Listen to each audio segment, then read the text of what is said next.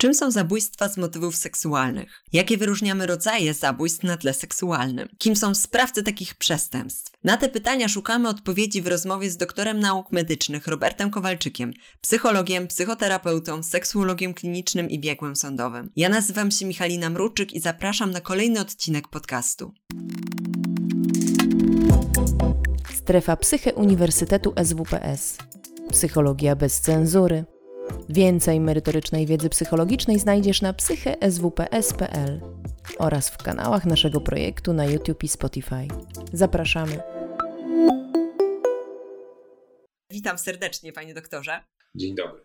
Mm, chciałabym w ogóle zacząć od tego, żeby nakreślić takie ramy naszego tematu i zacząć od tego, czym są zabójstwa z motywów seksualnych. E, co, co to w ogóle jest i, i jakie zabójstwa, jakie czyny możemy tak określić? Patrząc z perspektywy definicyjnej, zabójstwa seksualne pociąga za sobą element seksualny.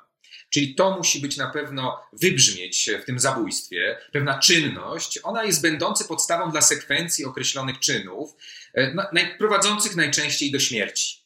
Wiele zawiera komponentów, które są krytyczne w ujmowaniu dziedziny, prawda, stanowiących zabójstwa e, seksualne. E, czyli tutaj ten element seksualny no, powinien być, powinien zaistnieć, bo on właśnie odróżnia od innych zabójstw tą grupę przestępstw.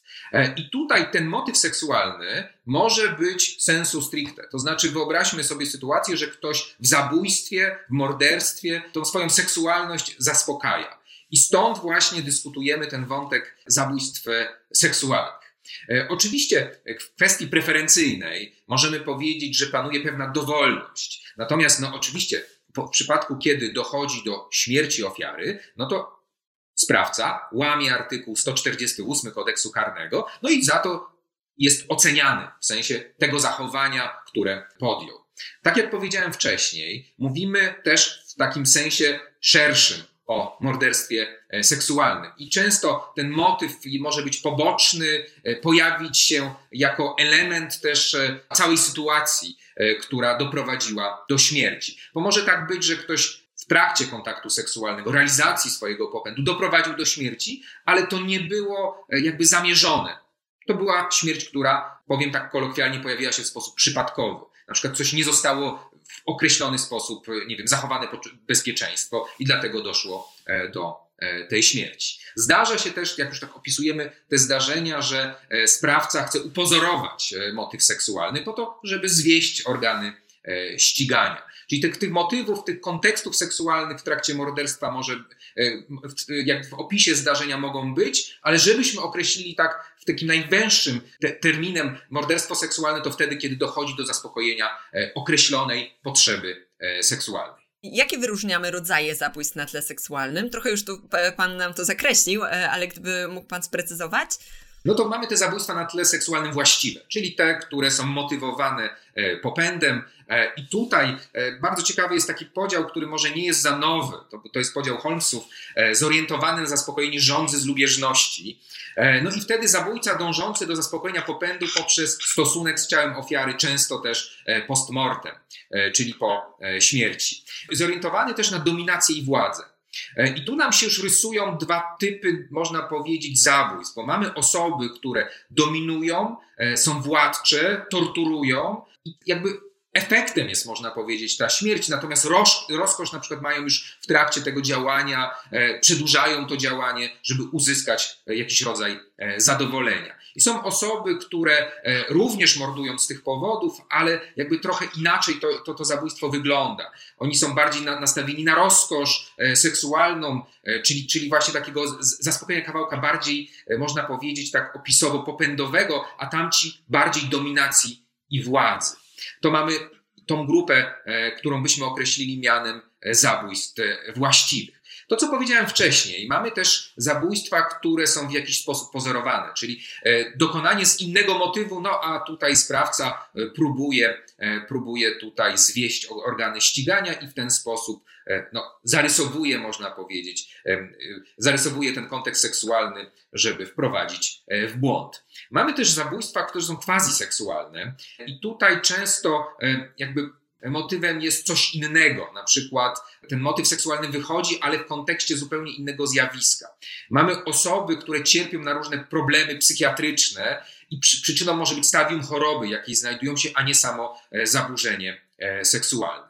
Wspomniałem też o tej kwestii przypadkowych zabójstw.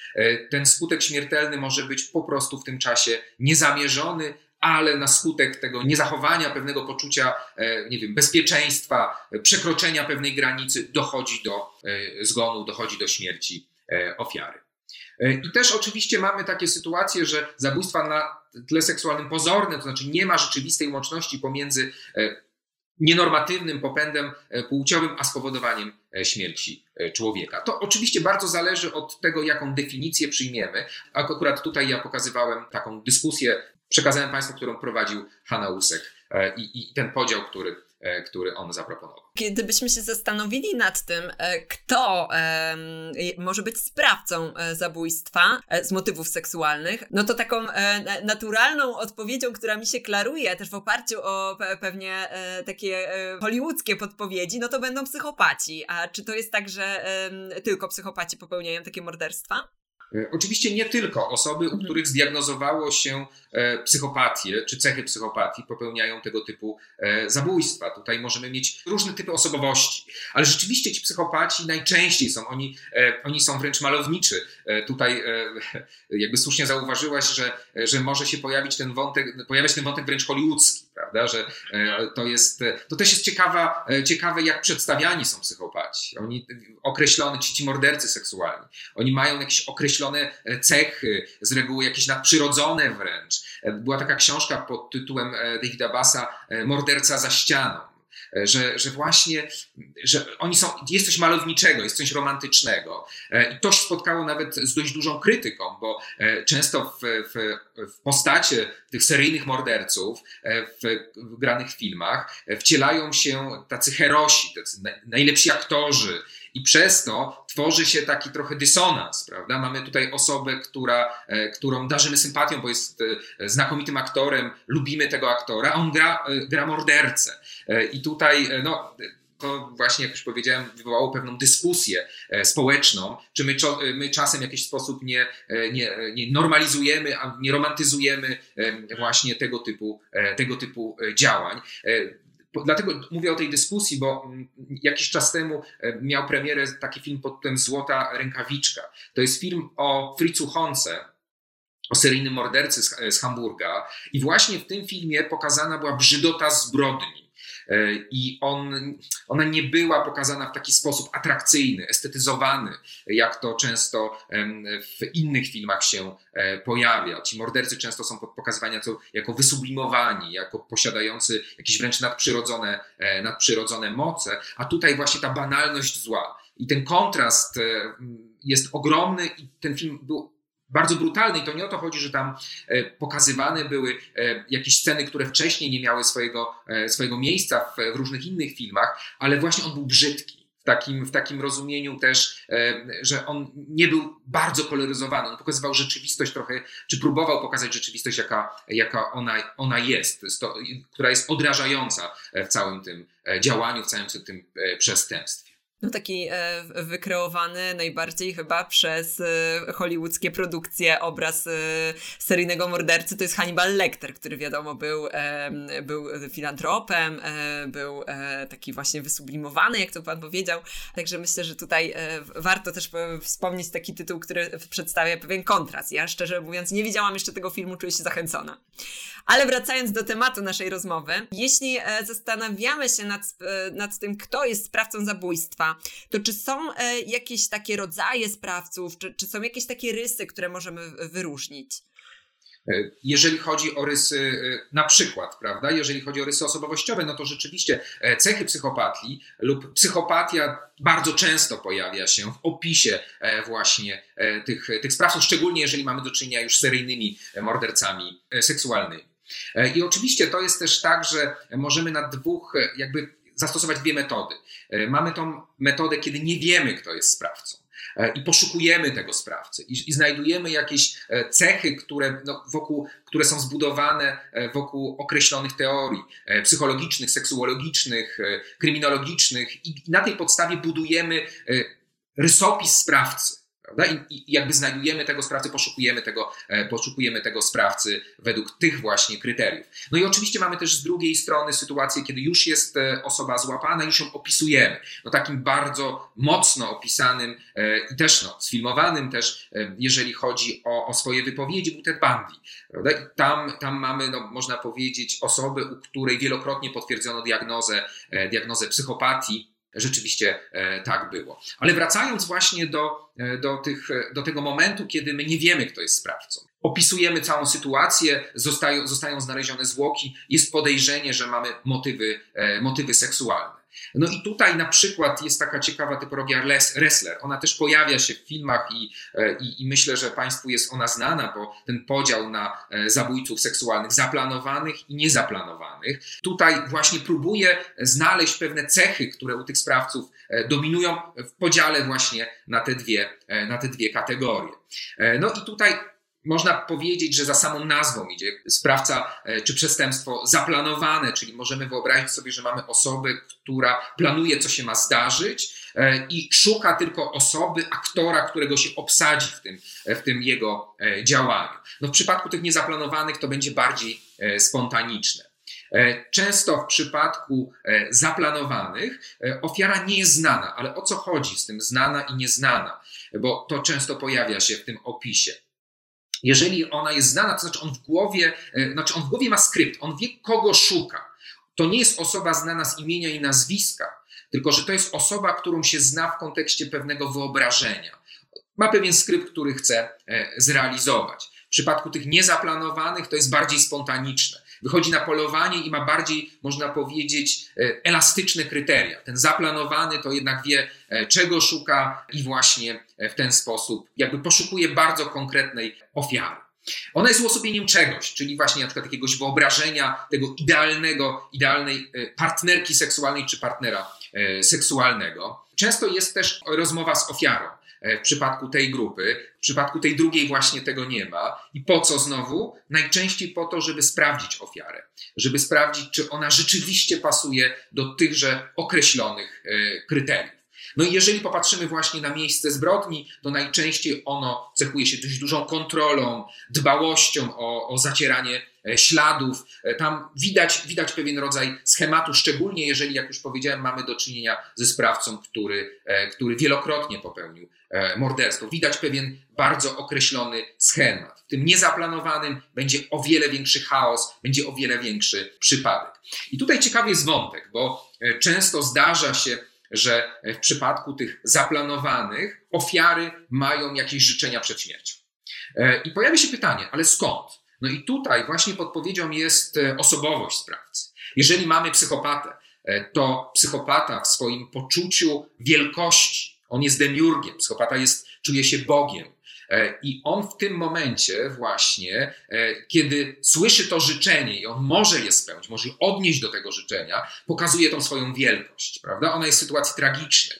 Ona jest w sytuacji, która już jest domknięta. On wie, że ją zabije. Ale ten rodzaj e, jego łaski, na przykład podania wody, spełnienia życzenia, pokazuje, jeszcze bardziej go w jakiś sposób ładuje, że on jest że on jest kimś bardziej, że on jest kimś, że, że tam jest czegoś więcej. Element powściągliwości się tam pojawia. Czyli jeżeli mamy sprawcę, który idzie, żeby popełnić e, to morderstwo, to idzie, jak już powiedziałem, z pewnym schematem i tam nie ma przypadku. On wie, co chce zrobić i po kolei realizuje tą sekwencję. Tam nie zmienia tego w trakcie. To już jest wszystko doszlifowane wcześniej w głowie, jest to obudowane fantazją, po prostu to, to robi. I to jest często na zgubę tych, tych osób, ponieważ łatwiej te osoby wybić e, ze schematu, bo oni mają tak, taki ostry ten schemat, że jakieś działanie, które jest, e, które jest e, absolutnie w kontrze do tego, może być, może być rozhamu, może po prostu go wybić z tego rytmu i to może być sposób na, nie wiem, jakąś ucieczkę, na, na, na zrobienie czegoś, co, co, co, co może uratować życie. Często te czynności w przypadku e, sprawców zaplanowanych, czynności agresywne mają miejsce przed śmiercią. E, tak jak już powiedziałem, to jest ta grupa sprawców, która e, są nastawieni na moc, władzę. Tam będą tortury. tam to cierpienie, które, które się pojawia, no, będzie czymś, co będzie ładować tego, tego, tego sprawcę. On, on, on, jakiś, on, on się rozsmakowuje w tym cierpieniu. I to jest dla niego kluczowe. W przypadku tej drugiej grupy, tam rozkosz seksualna jest trochę inaczej ustawiona. Często te czynności agresywne, one mają w przypadku tych niezaplanowanych miejsce po śmierci. On się na przykład dochodzi do niego coś, co zrobił i zaczyna się wyżywać na tej ofierze. Ten pierwszy e, tego w ten sposób najczęściej e, nie robi. No i też jak, jak mamy zaplanowanego, to najczęściej będzie to ukrycie ciała ofiary, ukrycie, e, ukrycie na przykład narzędzia, którym dokonano e, tej zbrodni. W przypadku niezaplanowanych będzie to o wiele większy chaos, często pozostawienie e, tego ciała w miejscu, e, który jest łatwiejszy do, do znalezienia. I już na tej podstawie można zbudować jakby rys też osobowości tych dwóch, tych dwóch sprawców. Bo ten sprawca niezorganizowany to najczęściej będzie mężczyzna. W ogóle tutaj, jeżeli myślimy o mordercach seksualnych, no to tutaj najczęściej dokonują tych morderstw mężczyźni. Oczywiście kobiety też to e, dokonują tego typu morderstw, ale najczęściej rzeczywiście w statystykach e, są to mężczyźni. Do około 40 roku życia poziom ekonomiczny poniżej średniego. E, ten niezorganizowany to właśnie e, wykształcenie z reguły średnie albo niższe. E, też jeżeli popatrzymy na zawód, to najczęściej nie pracuje albo zatrudniony w mało skomplikowanych zawodach, znaczy gdzie wymagają bardzo mało skomplikowanych czynności, jest aspołeczny. Poziom inteligencji poniżej przeciętnej albo, albo niski. E, jeżeli popatrzymy właśnie na ten aspekt związany ze zdrowiem psychicznym, to często tam pojawiają się epizody zaburzeń psychicznych, może być leczony ze związku z, ze różnymi stanami depresyjnymi, z problemami afektywnymi. E, też właściwości fizyczne, to będzie osoba e, raczej szczupła, chuda, często cierpiąca na jakieś dolegliwości, które wpływają na zmianę, zmianę jego wyglądu. Czyli wyobrażamy sobie taką, taką osobę, która no, jest mało atrakcyjna społecznie to jest osoba, która, e, która nie ma szans na tym rynku matrymonialnym albo ma bardzo małe te szanse. I można powiedzieć, że w przypadku tej grupy dokonanie morderstwa jest jedynym, czy często, no, często jedynym sposobem na bycie blisko z inną osobą. E, I to jest, no, nie chciałbym tutaj, żeby to tak zabrzmiało jakby bardzo pozytywnie, ale takie z konieczności trochę to jest to morderstwo. Mhm. On trochę nie ma wyjścia. E, I to jest, dlaczego o tym mówię, o tym rysie tej grupy, ponieważ on jest trochę inny niż tych zorganizowanych. Ci zorganizowani to najczęsto, najczęściej są osoby dostosowane społecznie, nowoczesne w, w stylu życia, towarzyskie, otwarte, e, które tworzą bardzo dobre e, pierwsze, pierwsze wrażenie. No tutaj, tak jak powiedziałem wcześniej, to będzie ten czysty psychopata, to będzie osoba, która ma, ma urok, ma ten, ten magnetyzm, który, który, który przyciąga. Często to są osoby z dobrym wykształceniem, elokwentne. E, to są osoby, które potrafią manipulować potrafią też zdobywać e, te partnerki seksualne w sposób o wiele prostszy niż ta, e, niż ta poprzednia grupa. Ale tutaj będzie trochę inny cel seksualny. On wie, że może. On wie, że może poderwać, powiem kolokwialnie, każdą, każdą dziewczynę. Ale właśnie o to mu chodzi, żeby uzyskać coś więcej.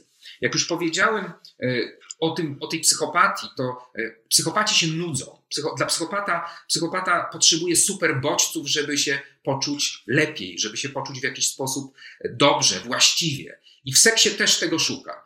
I stąd on wie, że jakby znajdzie tą partnerkę bardzo szybko, ale potrzebuje z nią zrobić coś ekstra, czegoś, co, co, co, co dostarczy mu jakieś e, super, e, super, super pobudzenia, super doznania. Czyli na przykład właśnie e, tortury, czyli na przykład, na przykład znęcanie się nad nią, jakieś przekraczanie granic. To będzie go bardzo mocno e, gratyfikować. Tu będziemy mieć patologicznego kłamcę, uwodziciela, który będzie, e, to też jest takie pozytywne określenie, ale, ale bardzo ostrożnie go stosuje koneser, taki koneser seksu, koneser skrajnych doświadczeń seksualnych. Już nam się rysują dwie różne postacie, jeżeli chodzi o rys osobowościowy. Tamten z konieczności nieatrakcyjny, poszukujący czegokolwiek, co mu daje jakikolwiek rodzaj bliskości, a ten e, sadysta seksualny, e, używający e, innych osób, taki, który, który dostarcza sobie poprzez właśnie najbardziej skrajne doświadczenie, czyli morderstwo określonego bodźca seksualnego. Ale rozumiem, że mówimy o pewnych statystykach, że statystycznie najczęściej są to takie osoby. Dobrze rozumiem?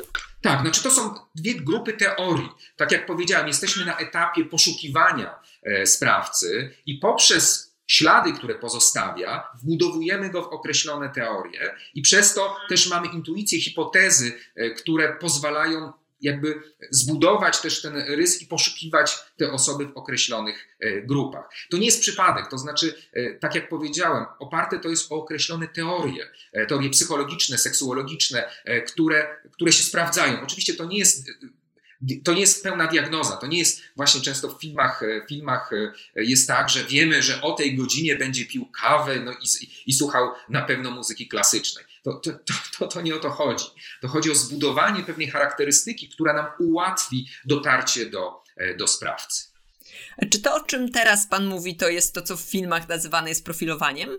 Tak, na pewno tak. I to jest przykład oczywiście poszukiwania określonych, określonych zależności, czytania z miejsca zbrodni, e, które właśnie doprowadzi do, do rozwiązania sprawy znalezienia e, sprawcy. No, to jest taki leitmotiv wielu filmów kryminalnych właśnie poprzez ślady, dotarcie do, e, do tego sprawcy. Ja tu mówię o tych śladach oczywiście osobowościowych. Spoglądam na czat i tutaj pani Kamila e, nas pyta, e, podążając za e, tym takim rysem, który pan przedstawił, czy to prawda, że przestępcy seksualni mają często w przeszłości konflikty z matką i czy przez te akty chcą odzyskać kontrolę czy szacunek, której nie mieli podczas dorastania?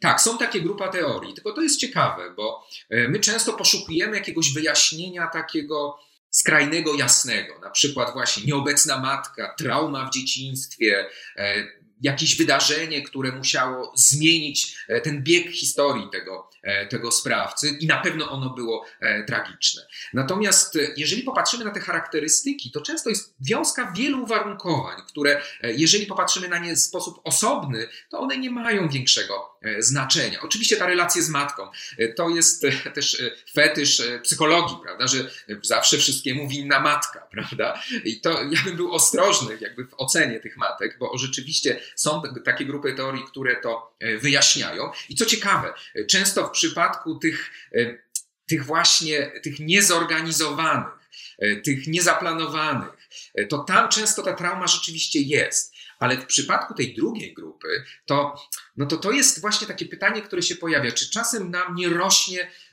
morderca? I, i też są grupa takich teorii, które mówią, że, że no właśnie nie ma takiego wydarzenia. Że to są ci mężczyźni z klasy średniej, w, w nie chciałbym powiedzieć, bo to jest też takie określenie, w, no, w, w typowych domach wyrastają. I właśnie coś takiego się dzieje, taka wiązka uwarunkowań które jednak powodują, e, powodują pojawienie się e, takich, a nie innych czynów, e, ale oczywiście tym, dla takiego zrozumienia, dla takiej pewności, dla takiego też uspokojenia, to często chcemy znaleźć tą traumę. I tutaj, I tutaj ta relacja z matką, właśnie ta skomplikowana relacja z matką pojawia się jako, E, jako podpowiedź, ale ostrożnie. Rzeczywiście są takie teorie, e, które to, które to spinają i szukają tam przyczyny, e, ale też są takie teorie, które właśnie nie znajdują tam, tylko gdzie indziej te przyczyny, a również doprowadzają do tego czynu tak sobie wyobrażam, kiedy mówił Pan o tych cechach, które mają e, ci przestępcy w tym typie zorganizowanym, to oni mają tak naprawdę mnóstwo zasobów po to, żeby y, takie zaburzenia się u nich nie rozwinęły. E, więc myślę sobie, że to musi być jednak coś więcej i musi być to kwestia jakiegoś głębszego zaburzenia niż do, doświadczenie jakiejś pojedynczej traumy, tak? Na pewno, na pewno. Tutaj odsyłam, odsyłam osoby, które interesują się tematem, E, do właśnie e, wykładu, który, wykładu, który e, został nagrany w ramach strefy Psyche SWPS, sekcji psychopatia. To też można znaleźć na, na Spotify'u. I tam właśnie opisuje ten rys, rys psychopatyczny, który pokazuje bardzo określone też rys, znaczy rys psychopatię w kontekście też seksualności. Jak już wcześniej powiedziałem, tam jest ta nuda. To są osoby często podreaktywne, hyporeaktywne, które szukają skrajnych bodźców. Dla nich przekroczenia e, są niezwykle e, gratyfikujące. Ich, oni ich po prostu nie ciekawi typowy seks, e, waniliowy seks. Oni lubią coś skrajnego. Oni będą poszukiwać bodźców, którzy na przykład łączą się z łamaniem prawa. I tutaj na przykład łamią zakaz kontaktu seksualnego z osobą małoletnią, przestępstwo zgwałcenia. To będą te elementy, które będą ich mocniej gratyfikować, które będą dawać im tą przyjemność. Oni znają normy. To, co słusznie, słusznie zauważyłaś, oni znają normy. Oni, bo właśnie o to chodzi, że oni znają i po, poprzez te przekroczenia oni dodają sobie coś do tego, że to jest mocniejsze, bardziej. Szczególnie, że oni mają to poczucie uprzywilejowania, ta megalomania, to, to poczucie, że mogą, że są sprytniejsi, e, że, że tak naprawdę ta rzeczywistość oni ją mogą nagiąć, e, jest dla nich, e, to jest dla nich to źródło właśnie jakiejś pasji. To w takim razie po e, więcej takich bardziej szczegółowych informacji o samą sylwetkę e, psychopatów zapraszamy do webinaru, o którym e, tutaj nam pan, pan doktor wspomniał. E, ja w tym czasie spoglądam znów na czat i tutaj na, jeden z uczestników dopytuje o to, czy znamy, e, czy znane są takie konkretniejsze dane dotyczące tej liczby sprawców płci żeńskiej, czy, czy jest jakiś procent znany? E, rzeczywiście, rzeczywiście są procenty, które, które pojawiają się, ale proszę pamiętać, że to są przestępstwa, które są wykryte. E, prawda? I, to, I tutaj możemy oczywiście szafować liczbami, które, e, które pokazują procent kobiet morderczyń seksualnych. Natomiast ja do tych liczb bardzo ostrożnie podchodzę. Pojawiają się one. Natomiast, no, tak jak powiedziałem, no, no to jest, to jest liczba, która, która opiera się o, o przestępstwa, które zostały wykryte. E, I tutaj no, już to pokazuje e, pewne ograniczenie. Ja tutaj zwracam uwagę na, to, na morderstwa seksualne, w ogóle na kobiety sprawczynie przemocy seksualnej. E, to jest bardzo ciekawy wątek, bo one bardzo długo nie istniały w świadomości społecznej. To znaczy uznawano, że kobieta takich rzeczy po prostu nie robi z racji tego, że jest kobietą, że takie rzeczy to tylko jakby przystoją, znaczy dzieją się tylko, tylko e, w przypadku mężczyzn. I też długą drogę przeszliśmy, zanim doszło do świadomości, że kobieta może być sprawcą przemocy seksualnej, jakkolwiek ona będzie, jakikolwiek będzie miała na odcień. Mówię o zgwałceniu, mówię o nadużyciach seksualnych małoletnich, e, mówię też o morderstwie e, z motywów seksualnych. Często nawet jak znajdowano to, tą osobę, to uznawano, że to był inny motyw, że to seksualny to, to, to, to, to jest mało, mało prawdopodobne. Ale co jest ciekawe, bo e, przeszliśmy tą drogę w tym sensie uświadamiania e, tak naprawdę w XX wieku, e, w sensie takim generalnym, społecznym. Bo na początku XX wieku w ogóle się nawet nie śniło, że kobieta ma autonomiczną seksualność, że tą osobą aktywną, w seksu, aktywnie poszukującą seksualności jest mężczyzna. Kobieta jest reaktywna, to znaczy, że to się że jakby odpowiada na tą seksualność e, męską. Połowa XX wieku, kiedy e, odkryto antykoncepcję hormonalną, też ruszyły badania na temat satysfakcji seksualnej kobiet. E, to też ogromna zmiana, wręcz można powiedzieć ontologiczna. To wyzwanie, które, które społecznie się pojawiło w kontekście, w kontekście pokazania e, autonomicznej seksualności kobiecej i też dążenia do, do tej przyjemności e, otworzyło, jak już powiedziałem, ogromne pole badań. I dopiero kolejnym krokiem było to, że zrozumienie, że kobieta może być również e, agresorem seksualnym. Że również może popełniać przestępstwa seksualne z rozkoszy seksualnej, a nie z innych powodów. Bo często szukano, a to będzie pewnie inny powód, że to będzie nie wiem, zagarnięcie majątku, a może to było przypadkowe, że ta rozkosz seksualna, właśnie z takiego, w takim konkretnym znaczeniu, uznawano, że, że jakby u kobiet nie występuje, co oczywiście jest e, współcześnie nieprawdą, ale chciałem pokazać tą ewolucję tego pojęcia. E, I, i, i w sumie do tej pory mamy, mamy te dyskusje, bo mówimy o przestępstwach seksualnych, na przykład e, do tej pory pojawiają się wątpliwości, jak nieraz słyszę takie dyskusje, czy nie wiem, kobieta może zgwałcić, czy dokonać gwałtu. Oczywiście, że może. Prawda? Natomiast, natomiast no, tak jak powiedziałem, często nie przypisywano tych motywów seksualnych, tych, tych, tych właściwych motywów seksualnych e, kobietom. Tutaj jedna z e, naszych słuchaczek też e, prosi o to, żebyśmy poruszyli temat e, zabójstw dzieci z motywów seksualnych. Jak rozumiem, z racji tego, że mówimy akurat o sprawcy, to, to tak, tak, tak to czytam, że chodzi o taki rys właśnie sprawców zabójstw dzieci z motywów seksualnych. Rzeczywiście tak jest. To będziemy mieć sprawców, którzy najczęściej będą mieć również rozpoznaną parafilię, jaką jest pedofilia. E, czym jest pedofilia? Pedofilia to jest, e, to jest właśnie zaburzona preferencja seksualna, gdzie obiektem zainteresowań seksualnych jest dziecko. W tym rozumieniu e, seksuologicznym dziecko, czyli osoba przed okresem pokwitania lub na początku tego okresu. To będzie czyn pedofilny. Oczywiście w prawie mamy 15 rok życia jako, jako, jako element odcięcia, ale nie zawsze, nie zawsze to się załapuje na, na coś, co się w ujęciu seksuologicznym nazywa pedofilia, tylko to może być hebefilia, efebofilia. Czyli możemy mieć osobę, która po prostu wybiera jest mordercą seksualnym, ale też ma właśnie zdiagnozowaną, e, czy, czy jest pedofilem.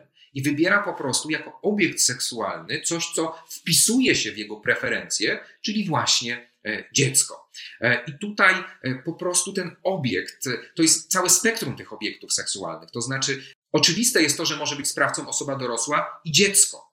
To jest tylko zależne od tego, jaki typ preferencji będzie u danego E, sprawcy. Jeżeli będzie pedofilem, to on po prostu będzie mordował, e, mordował dzieci.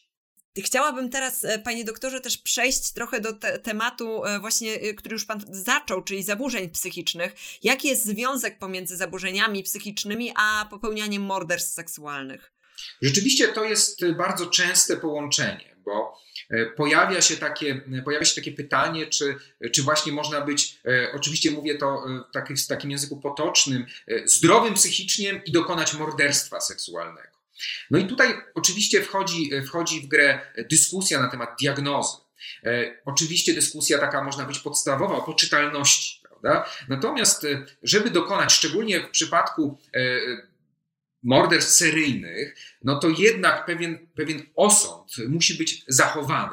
To jest tutaj akurat powołam się na, na kazus Breivika, który, który próbował się bronić, że on jest osobą, która no właśnie nie spełnia kryteriów zdrowia psychicznego i w związku z tym powinien być w inny sposób sądzony. Prawda? No tutaj potwierdzono diagnozę E, psychopatii. I właśnie, właśnie z racji tego, że on jest psychopatą, on oczekiwał jakiejś łagodniejszej, innej oceny tego, e, tego czynu. I to nie była przesłanka do tego, żeby właśnie e, rozpocząć dyskusję o niepoczytalności tego, tego sprawcy. Czyli oni jakby dokonują tego osądu, tego trzeźwego osądu, osądu sytuacji. Oczywiście może tak być, ale to jest rzadkość, że pojawiają się te procesy psychotyczne, E, które, e, które jednak e, jakby pokazują bardzo określony rodzaj problemów psychiatrycznych. I wtedy, i wtedy no, ocena tego, czy, on, czy ta osoba była w stanie ocenić to, co się stało, do, czego dokonała. No tutaj oczywiście proszeni są biegli, żeby, żeby się wypowiedzieć. Ale najczęściej to są osoby, które, które są poczytalne. E, I to są osoby, które, e, jak już powiedziałem, posiadają cechy psychopatii e, albo są psychopatami, a to na pewno nie będzie element, który, który zwalnia z odpowiedzialności. Posłużę się klasyfikacją amerykańską, bo tutaj to określenie psychopatia to pochodzi z języka klasyfikacji. Oczywiście ja mówię tutaj w oparciu o określone teorie naukowe. No i właśnie mamy y, te osoby, które, y, które, y, które, tak jak powiedziałem, mają tą postać głęboką psychopatii, antyspołeczne, narcystyczne zaburzenie, zaburzenie osobowości. Jeżeli chodzi o, o mo, mogą się oczywiście zdarzyć, zdarzyć te osoby, które mają różnorodne inne cechy, czy też zaburzenia, zaburzenia osobowości, ale mało prawdopodobne, że żadnego z tych rysów nie będzie. Może też być róż, różna, różny stopień tej psychopatii. Może być, jak już powiedziałem, postać pierwotna, głęboka, e, ale też może być lekka e, czy też umiarkowana. Mało prawdopodobnie, że będzie to osoba e, w takim wymiarze zupełnie, zupełnie czysta. To w takim razie, jakie zaburzenia mogą być uznane za podstawę do orzeczenia o niepoczytalności danego sprawcy?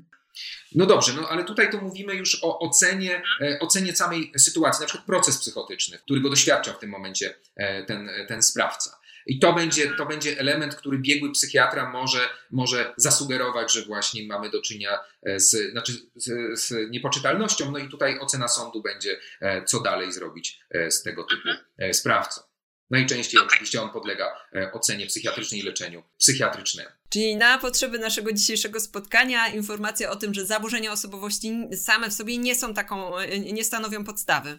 Tak, tak. Same zaburzenia osobowości nie, na pewno nie stanowią podstawy do rozpoczęcia takiej dyskusji o niepoczytalności. No stąd właśnie ten przykład Breivika podałem. Tutaj nas proszą osoby na, na czacie, żeby doprecyzować jeszcze w paru słowach coś na temat pedofilii kobiecej. Czy czuje Pan taką gotowość? Pedofilia może być rozpoznana zarówno u kobiet, jak i u mężczyzn.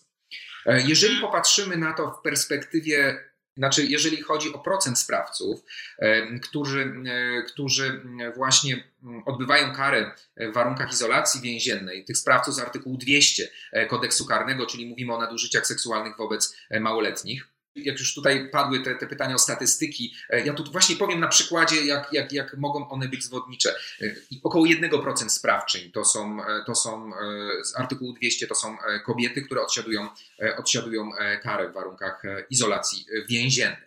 Natomiast ten procent kobiet, które, które popełniają czyny pedofilne, jest prawdopodobnie większy. W różnych publikacjach nawet do 8-10% całej, całej liczby czynów e, popełniają kobiety, ale te czyny kobiet po prostu są mniej e, widoczne. Wiąże się to z większym przyzwoleniem społecznym do kontaktu e, dziecka z ciałem kobiety niż, niż z mężczyzny. I to też ta niewidoczność często jest tym elementem, który, który powoduje, że no, też przestępstwa nie są w takich proporcjach, jak się szacuje, E, wykrywane. O wiele rzadziej kobiety popełniają e, tego typu czyny, ale rzeczywiście e, popełniają. Tylko to jest coś ciekawe. Ja używam dwóch kategorii. I tak jak już powiedziałem wcześniej, w ujęciu seksuologii sądowej, pedofilia to jest zaburzona preferencja seksualna, gdzie obiektem zainteresowań seksualnych jest dziecko. Natomiast czyny pedofilii mogą być e, popełniane zarówno przez osoby, u których diagnozuje się pedofilię, ale też osoby, u których właśnie tej pedofilii nie diagnozuje się. One z innych motywów e, popełniają, e, popełniają te czyny. I tutaj dla przykładu wcześniej omawiani e, psychopaci. Oni mogą popełniać ten czyn pedofilny, nie będąc pedofilami, z tego powodu, że czują jakiś rodzaj uprzywilejowania. Na przykład torturują nastolatkę, e, która jest poniżej 15 roku życia, wiedząc o tym doskonale, ponieważ to im też dostarcza jakiegoś rodzaju gratyfikacji, właśnie związanej z tym, że, no, że w ich poczuciu mogą to zrobić, albo że są e, właśnie, że, są, że, to, że to jest jakaś głębsza krzywda i oni to, i oni właśnie tym się, tym tym się jakoś karmią właśnie tym, e, tym, tym elementem. Czyli to, co powiedziałem, pedofilia to jest rozpoznanie w ujęciu medycznym, natomiast czyn pedofilii to jest o wiele szersze zjawisko. Mogą być e, popełniane przez osoby, u których rzeczywiście rozpoznaje się pedofilię, ale też przez osoby z innych motywów. Na przykład może to być, tak jak już powiedziałem, działanie zastępcze, e, to może być działanie, które oparte są właśnie na, tak jak już powiedziałem, dominacji władzy, a ktoś kieruje na dziecko jako na szczególny bodziec, niepreferencyjny. Czyli jeśli dobrze rozumiem, jest to też jak najbardziej możliwe, aby osoba, u której możemy zdiagnozować pedofilię, e, nigdy nie popełniła czynu pedofilnego.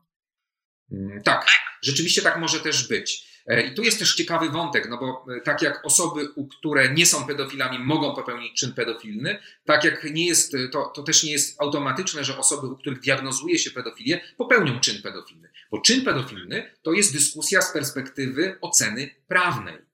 E, czyli popełnienia określonego czynu, podjęcia określonego działania. To nie jest równoznaczne, że jeżeli jest się pedofilem, takie działanie e, się popełni. Dziękuję bardzo. Y, ja spoglądam znów na czat e, i, e, i, chciałabym już e, trochę iść dalej w tej dyskusji, dlatego że pojawiają się na przykład takie pytania o to, jak zachowuje się sprawca po dokonaniu danego czynu. I wydaje mi się to być ciekawe też w tym ujęciu, o którym rozmawialiśmy wcześniej, czyli tych dwóch typach, tych zaplanowanych czy, czy zorganizowanych i, i niezaplanowanych i niezorganizowanych sprawców. Czy mogę prosić tutaj o opowiedzenie nam o tym, jeżeli w ogóle wiemy, jak się zachowuje zachowują tacy sprawcy. Tak, rzeczywiście e, jest pewien, pewien no jeżeli ta dyskusja według Ressler się e, jakby tutaj e, jakby ukierunkowała nas, to ci sprawcy zaplanowani po dokonaniu przestępstwa, oczywiście zakładamy, że nie zostali złapani, oni też w jakiś sposób przeżywają to przestępstwo. To znaczy, o co chodzi? Oni budują sobie to doświadczenie, które, znaczy popełniają ten czyn i teraz zaczynają na przykład, o, to jest też taki ciekawy wątek filmowy, e, który może, może nam pomóc. Czyli na przykład zabierają trofeum. E, czyli, czyli na przykład, nie wiem, obcinają pukiel włosów e, i, i trzymają ten jako, jako, jako właśnie pewne trofeum. I ono może być jakby z dwóch powodów trzymane. po albo oznaczenie tej ofiary, to jest moja ofiara, ja ją zamordowałem, to jest to specyficzny znak, który zostawiam, albo też z takich kawałków, można powiedzieć, bardziej pobudzających. To znaczy, na przykład e, ten pukiel włosów, te włosy mogą być nośnikiem zapachu e, i on po popełnieniu tego czynu odtwarza to, co się, e, to się wtedy działo podczas, podczas na przykład masturbacji, obkłada się tymi włosami, żeby właśnie przywołać sobie tą sytuację. Najczęściej on nie może od razu, jakby zgodnie ze, swoim, ze swoją chęcią, dalej, dalej mordować. To najczęściej jest taki moment odczekania I w tym momencie odczekania właśnie on zaczyna fantazjować, budować, odtwarzać to, co się stało. Zdarza się, że oni nagrywają całą tą, e, całe to e, zdarzenie. Tak jak powiedziałem, biorą te określone elementy, które im to zdarzenie przypominają. Oni je w jakiś sposób celebrują to, to wydarzenie.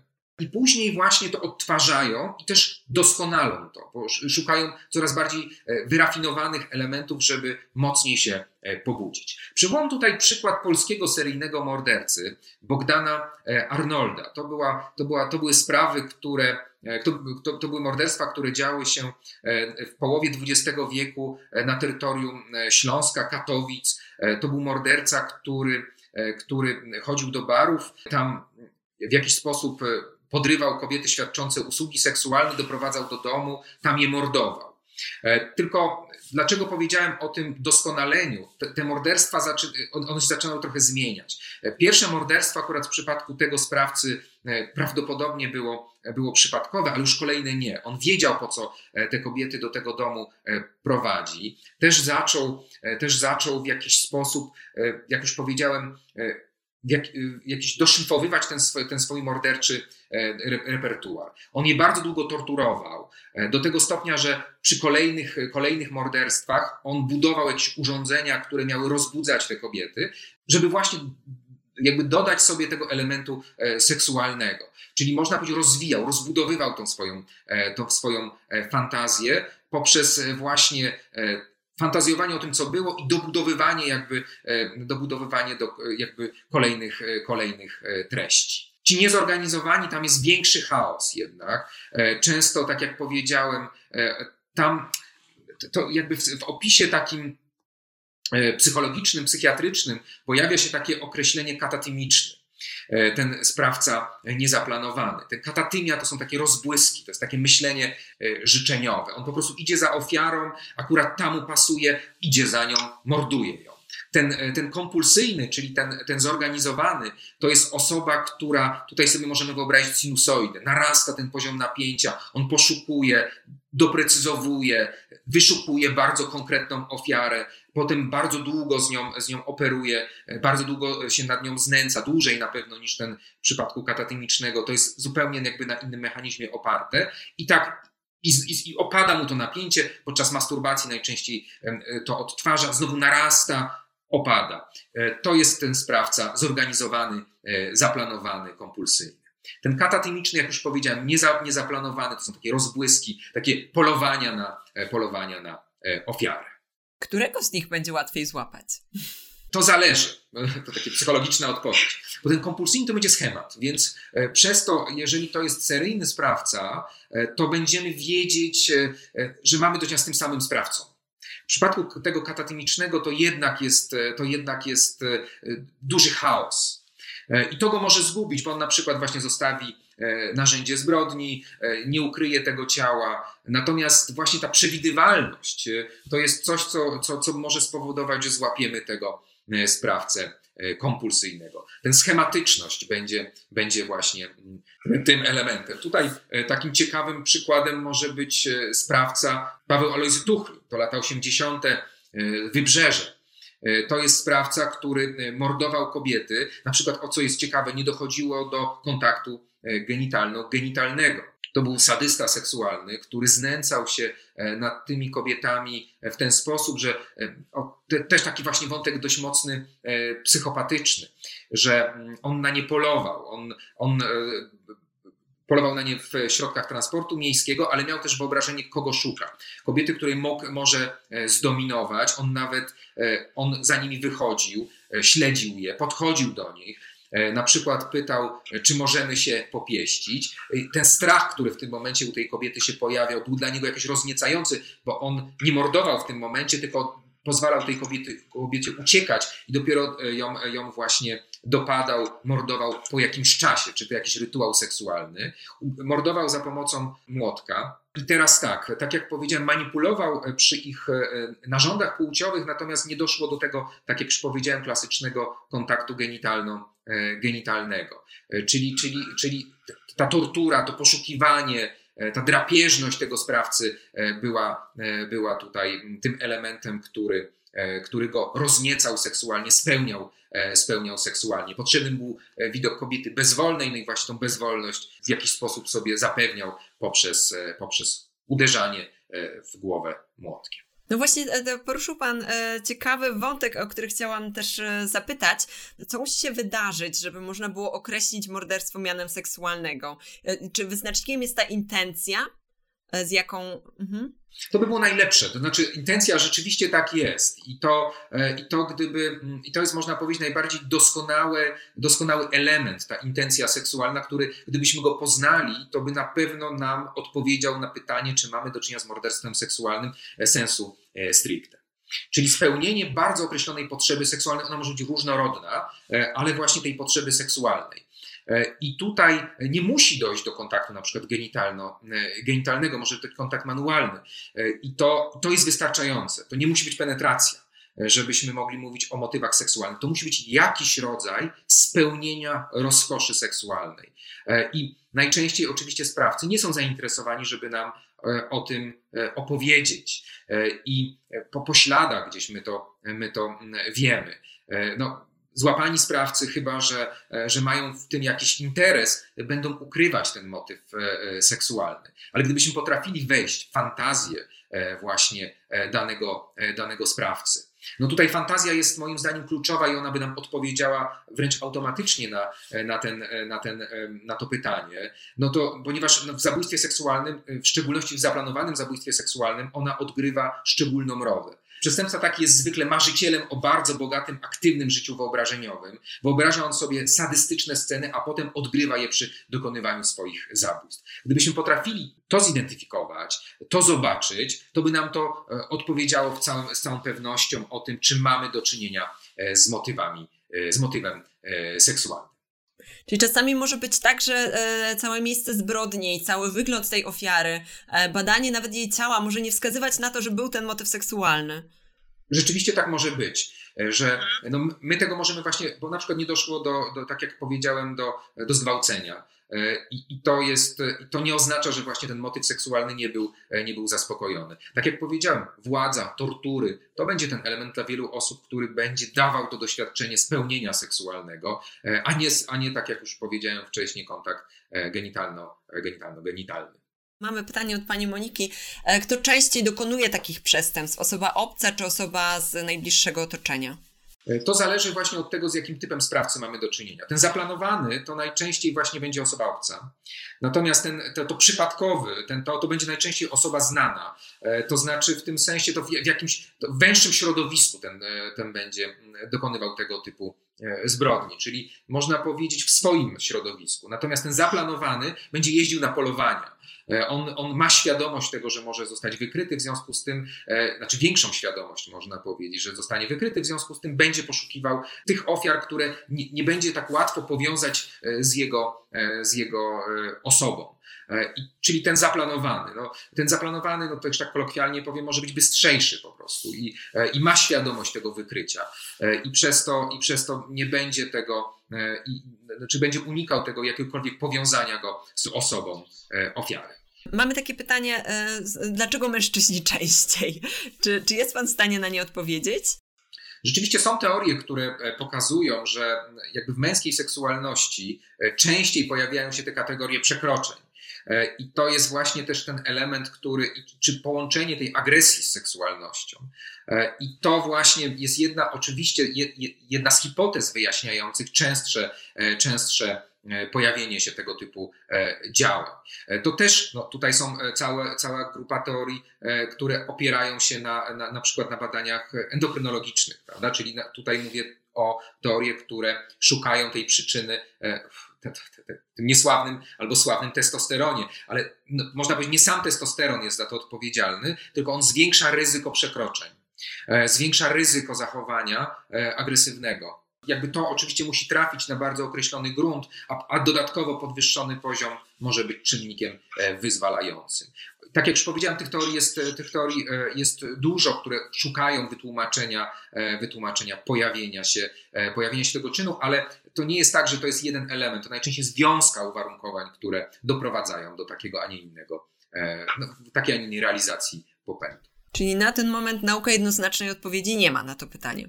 Tak, bo to jest bardzo jakby złożone pytanie. To ono, tak jak powiedziałem, nie ma jasnej odpowiedzi. E, często właśnie to, e, co pada w, takim, w takiej dyskusji społecznej, ten element traumy, że to musi coś być, musi ten czynnik e, na przykład doświadczenia przemocy, to musi być czynnik uwikłania w coś jako, jako ten element. Natomiast to nie jest takie proste. To nie jest tak, że jakby wszystkie osoby, które doświadczają e, przemocy, automatycznie e, tą przemoc e, również stosują. To musi trafić też na, na, na, na wiele innych uwarunkowań. Więc bałbym się spekulować, że to jest jeden, jeden czynnik, dominujący czynnik, który, który na to wskazuje. Tylko tak jak powiedziałem, najczęściej mówi się o, o, pewien, o pewnej wiązce uwarunkowań. E, jeśli już e, zdarzy się, że osoba zostanie złapana, e, taki morderca, czy zaplanowany, czy niezaplanowany, czy zorganizowany, czy niezorganizowany, w zależności jak go nazwiemy, co z tą osobą dalej się wydarzy? No wiemy, że najpewniej trafi do więzienia i co dalej? Czy to jest tak, że ona jest po prostu odizolowana, czy też są możliwe jakieś na przykład oddziaływania terapeutyczne wobec nich? To jest też ciekawe pytanie, złożone pytanie. E, jeżeli będziemy mieć osobę seryjnego mordercę seksualnego, e, to e, jakby szczerze wątpię w, w, w, jakby w oddziaływania terapeutyczne, które przyniosą spektakularny skutek. Tutaj powątpiewam, szczególnie jeżeli to jest jakoś tak oparte o, o ten kawałek preferencyjny. Co jest jasne, tutaj padło wcześniej e, akurat w kontekście e, pedofilii to pytania, pyta, pytania dotyczące pedofilii. No, czy można, to jest to pytanie, czy można pedofila wyleczyć z pedofilii? No nie można. Można zmniejszyć ryzyko recydywy, można zmniejszyć ryzyko pojawienia się ponownego przestępstwa i to jest cel terapeutyczny. Natomiast wymazanie czegoś może być e, tutaj niezwykle, e, niezwykle no, niemożliwe. Znaczy nie mamy narzędzia, które potrafi, potrafi to zrobić. Bardziej, tak jak powiem, uszczelniamy według określonych schematów działań terapeutycznych to, że nie dochodzi po raz kolejny do, czy, czy zmniejszamy ryzyko pojawienia się tego czynu. W przypadku seryjnych morderców seksualnych byłbym bardzo ostrożny, jeżeli chodzi o, o właśnie oddziaływania e, resocjalizacyjne. To też zależne jest oczywiście od, od, od, też przyczyny, na czym jest, na jakiej wiązce to się pojawia. No tak samo e, pytanie, czy można e, psychopatę wyleczyć z psychopatii. No, też byłbym ostrożny w takim, w takim stwierdzeniu, że można. Można zmniejszyć negatywne skutki, natomiast no, wymazanie te, te, te, tego typu zaburzonej osobowości jest mało E, mało prawdopodobne i e, często no właśnie były nurty terapeutyczne, które chciały to w taki sposób, e, można powiedzieć, kompensacyjny, jakby wyprostować. To znaczy, że pokażemy, czym jest empatia, pokażemy, czym jest prawda, czym pokażemy, czym jest dobro, otulimy tego sprawcę właśnie takimi doświadczeniami to będzie miało swój wymiar korekcyjny. Niestety w praktyce okazało się, że było to dla nich wręcz element szkolenia E, i uczenia się, jak jeszcze dokładniej, e, jeszcze lepiej manipulować mm, e, przyszłe ofiary, a nie, a nie ten element korygujący. Pani Zuzanna pyta nas, jak często sprawcy odczuwają wyrzuty sumienia. To też zależy od tego, jaka, jaka jest ta baza. No, zdarza się, że rzeczywiście tak się pojawia, natomiast jeżeli bym, jeżeli bym patrzył w tym klasycznym rozumieniu e, poczucie winy, e, to u sprawcy, który jest psychopatą, byłbym bardzo ostrożny. To poznawczo tak, ale, ale w takim wymiarze, e, wymiarze takim, jaki my oczekujemy, to, to, to, to no raczej mało prawdopodobne. Raczej jakiś rodzaj dyskomfortu z tego powodu, że, że został złapany, a nie, a nie właśnie jakby przeżywanie tego poczucia winy. Ja tutaj wspomniałem o tym Bogdanie Arnoldzie i tak właśnie w czasie procesu to było bardzo, e, bardzo mm, e, ciekawie, jak on to opowiadał o tych swoich czynach, bo on wręcz e, przyznawał się, wiedział co zrobi, ale zrzucał odpowiedzialność na to na przykład na poprzednie partnerki. Znaczy to, że to żona, właśnie kobiety znaczące w jego życiu zrobiły mu tą krzywdę i on w sumie nieboraczek po prostu nie miał wyjścia i zaczął mordować. To trochę tak to mhm. zabrzmiało, czyli to jest tak, że to, to, to, też jest charakterystyczne dla psychopatii, że tą winę upatruje się w okolicznościach, a nie w, a nie w nim samym. I on oczywiście wie, co zrobił, i on potrafi odegrać to, tą, tą winę, natomiast czy, czy ją będzie przeżywał, e, ja bym był ostrożny. E, jeżeli popatrzymy na taką psychodynamikę e, sprawców zabójstw seksualnych, no to, to właśnie to poczucie ważności, ta majestatyczność jest u nich dość, dość typowa, charakterystyczna. Nie, nie powiedziałem tutaj o więzi, też, też jest problem z więzią najczęściej. Albo ta zerwania, zerwana ta więź, to w przypadku tych sprawców, które byśmy określili mianem E, zaplanowanych, albo jej pragnienie, głód więzi. To podałem to w, w przykładzie e, tych sprawców e, niezaplanowanych. E, mogą się pojawić u nich zaburzenia formalnego, e, formalnego myślenia, prawda? I te interpretacje tego, co się dzieje, też mogą być e, określone. Czyli na przykład możemy mieć sprawcę, który, który chełpi się tym, co robi. Na przykład może sobie dorobić do tego taką historię, że on wręcz oczyszcza ten świat z osób, które w jego poczuciu są niegodne funkcjonować. To są takie osoby z takim ciągłym gniewem, z taką ciągłą złością, taką chęcią, chęcią odwetu. To chyba właśnie Anders Breivik jest też takim znanym współczesnym y, mordercą, który taką ogromną ideologię też napisywał do swoich mordów, nawet cały manifest napisał. Tak, to jest prawda, że to, że to nie on jest winny, prawda? To, to, to, to, to są oko, winne są okoliczności. I to też jest ten wątek, który, e, który też dominuje w tych, w tych opisach, że, że to poszukiwanie tego w, jakby w zewnętrznym, e, jakby w motywach, a nie, a nie, a nie wewnętrznych. Mhm. A ta więź, o której pan e, teraz powiedział, to, to z kim tej więzi poszukują? No właśnie, powiedziałem o tym niezorganizowanym. To jest, taka, to, to, jest to, to, to poczucie e, deficytu, które się mogło e, pojawić na jakimś etapie, to poczucie odrzucenia, pogardy, której ta osoba doświadcza, na przykład w wyniku określonych cech. Powiedziałem tutaj o Pawle Alojzym Tuchlinie. Mamy sprawcę, który, który na przykład miał przetrwałe moczenie nocne. On pochodził z wielodzietnej e, rodziny, e, w której był stygmatyzowany, tresowany wręcz i karany za to, co, e, co robił. To była mała miejscowość, która, w której on, wszyscy wiedzieli, że on, że on właśnie moczy się i w związku z tym miał nawet taką ksywę śmierdziel. Wyobraźmy sobie nastolatka, który, który właśnie poszukuje kontaktu, to nie jest wytłumaczenie, to jest tylko pokazanie pewnej zależności, który poszukuje kontaktu, a wszyscy go odpychają. I taka lękowa, lękowa postawa wobec kobiet, taka ucieczkowa postawa, no, to się zawsze łączy z, jakąś, z jakimś obrażeniem, z jakąś, z jakąś, z jakąś, z jakąś, jakąś krzywdą, e, te próby jego e, wejścia w kontakt. Czyli możemy powiedzieć poszukiwanie tej więzi akceptacji i, i z drugiej strony e, odtrącenie. Oczywiście to nie jest jeden z elementów, które tam wystąpiły w przypadku tego sprawcy, bo mamy sprawcę, który jest sadystą seksualnym, który, który nie wiem, obserwował, e, obserwował w rzeźni, jak są mordowane zwierzęta, a potem to powielał e, z, ogłuszane zwierzęta właśnie e, w swoich morderczych wędrówkach. Ale pokazuje tą postawę, że on lgnął, ale nie mógł.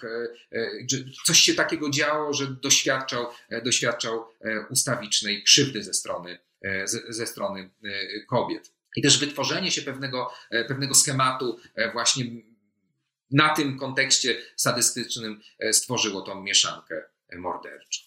Mam też takie pytanie o pomysł kastracji przestępców seksualnych. Czy mógłby rzeczywiście ograniczyć ich podatność na zbrodnie? To jest pytanie, które to jest bardzo ciekawe pytanie, które w takim wymiarze społecznym dość często funkcjonuje. E, bo to miałoby być takie panaceum na, na sprawców przemocy seksualnej, prawda? Oczywiście ja tu ogólniam. E, I pozbycie się, prawda, ta kastracja i tutaj e, no, najczęściej to jest gdzieś w takich wizjach społecznych wręcz chirurgiczna kastracja, miałaby być czynnikiem, który, który no, zapanuje nad, nad, tym, nad tego typu działaniami. Ale bym był ostrożny. To nie jest taka prostoliniowa zależność. To może zmniejszyć pewien impuls, natomiast nie jakby nie, nie wyeliminuje przyczyny. E, kastracja chemiczna e, stosowana jest w przypadku sprawców, u których diagnozuje się pedofilię. E, ja mówię sprawców przemocy seksualnej, nie mówię tutaj o morderstwach, przemocy seksualnej. I tam rzeczywiście w pewnym kontekście jest jej skuteczność, tylko w tym kontekście terapeutycznym. Znaczy głównym, głównym elementem oddziaływań jest psychoterapia, akurat w, modelu, który stosowany jest w Polsce, to terapia poznawczo, poznawczo-behawioralna i taki program SOTP. E, to jest program, który ma za zadanie rozbroić tak zwany cykl dewiacyjny, czyli sekwencję czynów, e, sekwencję działań, które doprowadzają do określonego e, czynu. Identyfikacja myśli, zachowań, emocji jest czynnikiem, który powoduje, że sprawca jest w stanie zapanować nad działaniem. Przynajmniej tak to wygląda w teorii. I tym elementem, który też ułatwia, ułatwia tą resocjalizację, czyli powoduje, że tych impulsów jest mniej, jest właśnie kastracja chemiczna. Czyli jako pewien element, ale w szerszym kontekście. Na pewno nie można powiedzieć, że to jest panaceum, nie ma ani tabletki, ani działania chirurgicznego czy, czy farmakologicznego, który, e, który jest w stanie wyeliminować tego typu e, działania. Ja bym chciała Pana zapytać o, o coś, co się pojawiło na samym początku. E, to już jest obok tematu. E, o, o pracę biegłego sądowego. E, jak ona wygląda i e, tutaj e, Pani Julia dzieli się taką refleksją, że, że słyszała, że jest ta, ta praca trochę nie, niedoceniana. Czy mógłby Pan powiedzieć w paru słowach, jak wygląda praca biegłego sądowego? Akurat jeżeli chodzi o biegłego sądowego, który sporządza opinie, prawda, które, które są potrzebne organom ścigania, czy, czy, czy, czy też na decyzjom sądu. To, to zależy właśnie od tego, na jakim, e, e, jakby gdzie ten psycholog, e, psycholog w którym miejscu tego procesu się znajduje. Jeżeli popatrzę jakby ze swojej perspektywy, bo jestem biegłym sądowym, to dostajemy osoby, które no na przykład wspomniani wcześniej sprawcy z artykułu 200. Pytanie sądu, czy mamy do czynienia ze sprawcą, który jest pedofilem preferencyjnym. Ma to ogromne znaczenie dla, dla procesu, ponieważ jeżeli zdiagnozuje się sprawcę, który jest e, preferencyjny, e, to sprawca trafia na oddziały leczenia sprawców przestępstw seksualnych. Kiedy jest sprawca niepreferencyjny, jest większe prawdopodobieństwo, że on trafi, nazwijmy to, w zwykłe tryby e, resocjalizacji. No i jak wygląda jakby praca biegłego? No, analiza najczęściej akt sprawy, spotkanie się, jeżeli jest taka możliwość z z sprawcą, poprzez wywiad psychologiczny, e, seksuologiczny, zebranie od niego e, danych, no i odpowiedź na, e, na pytanie, pytanie sądu, na przykład właśnie to pytanie o, o preferencyjności, czy, czy diagnozuje się u niego pedofilię, czy też z innych motywów dokonał tego czynu. Czyli najczęściej mrówcza praca, czyli przejrzenie E, akt e, sprawy, rozmowa e, z, z, ze sprawcą, na tej podstawie zbudowanie, zbudowanie hipotez, weryfikacja tych hipotez, no i dostarczenie opinii na potrzeby sądu. Mhm. Jak rozumiem, trzeba w ogóle być na liście biegłych, tak? Trzeba być takim. E, czy, czy to jest tak, że sąd sam się kontaktuje do na przykład do pana i, i, i prosi o. Rzeczywiście są listy, na których, e, na których e, jakby są biegli, który z zakresu określonej dziedziny. Tylko proszę pamiętać, że każdy, kto posiada specjalistyczną wiedzę, e, która jest potrzebna sądowi do wyjaśnienia sprawy, może być powołany na biegłego. I tutaj rzeczywiście tak jest, bo jestem seksuologiem klinicznym, bo jestem właśnie biegłym sądowym, bo jestem psychologiem psychologiem, jestem też, jakby pracuję naukowo w tym obszarze, więc stąd też e, no, wydaje się oczywiste, że e, sąd prosi mnie e, o, o, o właśnie ekspertyzę w, tej, w, tej, w danych sprawach. Natomiast, tak jak powiedziałem, każdy może być, kto w, w opinii sądu posiada wiedzę, która pomocna będzie w wyjaśnieniu sprawy. Drodzy Państwo, naszym gościem był doktor nauk medycznych Robert Kowalczyk, powtórzę, psycholog, psychoterapeuta, seksuolog kliniczny i biegły sądowy. Właśnie dlatego też ten wątek również e, poruszyliśmy. E, panie doktorze, czy na koniec jeszcze jakieś, e, mógłby nam Pan polecić jakieś pozycje z literatury? Już nam Pan polecił webinar, który wcześniej, pan, w którym Pan również wcześniej brał udział, strefy psyche, ale może czy coś jeszcze tutaj dla naszych widzów? To znaczy akurat tutaj w tym obszarze literatura jest dość obszerna obszerna. Jeżeli mówimy o seryjnych mordercach seksualnych, to na, na pewno e, taka praca Czerwińskiego e, Gradonia właśnie pod tytułem e, Seryjni mordercy seksualni to jest akurat praca sprzed 20 lat, ale no tutaj jak powiedziałem, te sprawy, o których mówiliśmy, trochę się nie starzeją i tutaj wracanie do tych spraw wydaje się niezwykle, niezwykle ciekawe i analizowanie E, na, e, jakby analizowanie tego. To, to, to na pewno e, Państwu polecam. Polecam też książki pana profesora Widackiego i tutaj taka książka Zabójstwa z motywów seksualnym, studium przypadku. To jest też dla psychologów może być ciekawa książka, ponieważ ponieważ ona właśnie pokazuje, jak dokładnie przebiegała sprawa i w tym rola, rola biegłego sądowego. Tak jak powiedziałem, no, Cytowałem Hanauska i to, to, to, jest, to jest klasyk, jeżeli chodzi o, o właśnie ten temat, ale polecam Państwu też po, na przykład różne seriale, bo, bo to często bardzo rzetelnie. Ja na przykład na, oglądałem e, taki, jakby taką serię, e, serię przygotowaną przez e, Crime and Investigation. To jest, to jest taki kanał telewizyjny, gdzie autorzy, autorzy kryminałów polskich opisywali zbrodnie sprzed lat i właśnie nadając swoją narrację, to, to moim zdaniem jest dość, dość ciekawe, ciekawe, ciekawe połączenie, prawda? Jak oni to widzą i to połączeniu z rzeczywistymi sprawami, którymi e, żyła, e, żyła Polska. Odsyłam też oczywiście do, e, do różnych podcastów, w tym do podcastów Strefy Psyche. Dziękuję bardzo. Dziękuję, ja również się zainspiruję i, i chętnie znajdę serial, o którym Pan mówi chwila na reklamę, ale to bardziej mojej koleżanki niż, niż moją, bo właśnie zaczyna być publikowana czterotomowa seksuologia sądowa. To Państwowy Zakład Wydawnictw Lekarskich no, otworzył taki, taką serię i to, to rzeczywiście no, PZWL to, to, to, to, to, to bardzo zacne wydawnictwo. I między innymi doktor Aleksandra Krasowska, z którą wspólnie prowadzę audycję w Radiu Tok FM, seks audycję, właśnie rozpoczęła, jest jedną z, z redaktorek tego czterotomowego dzieła i na pewno Państwa do tego odsyłam, bo to bardzo rzetelne źródło wiedzy. Super, dziękuję bardzo. Dziękuję za to, że podzielił się Pan z nami tym ogromem wiedzy, e, za szereg e, tych poleceń e, na koniec dla osób, które są ciekawe i chciałyby ten temat zgłębić. Dziękuję Państwu za uwagę, za, za udział i za mnóstwo pytań i kończymy. dziękuję bardzo. Dziękuję bardzo za zaproszenie.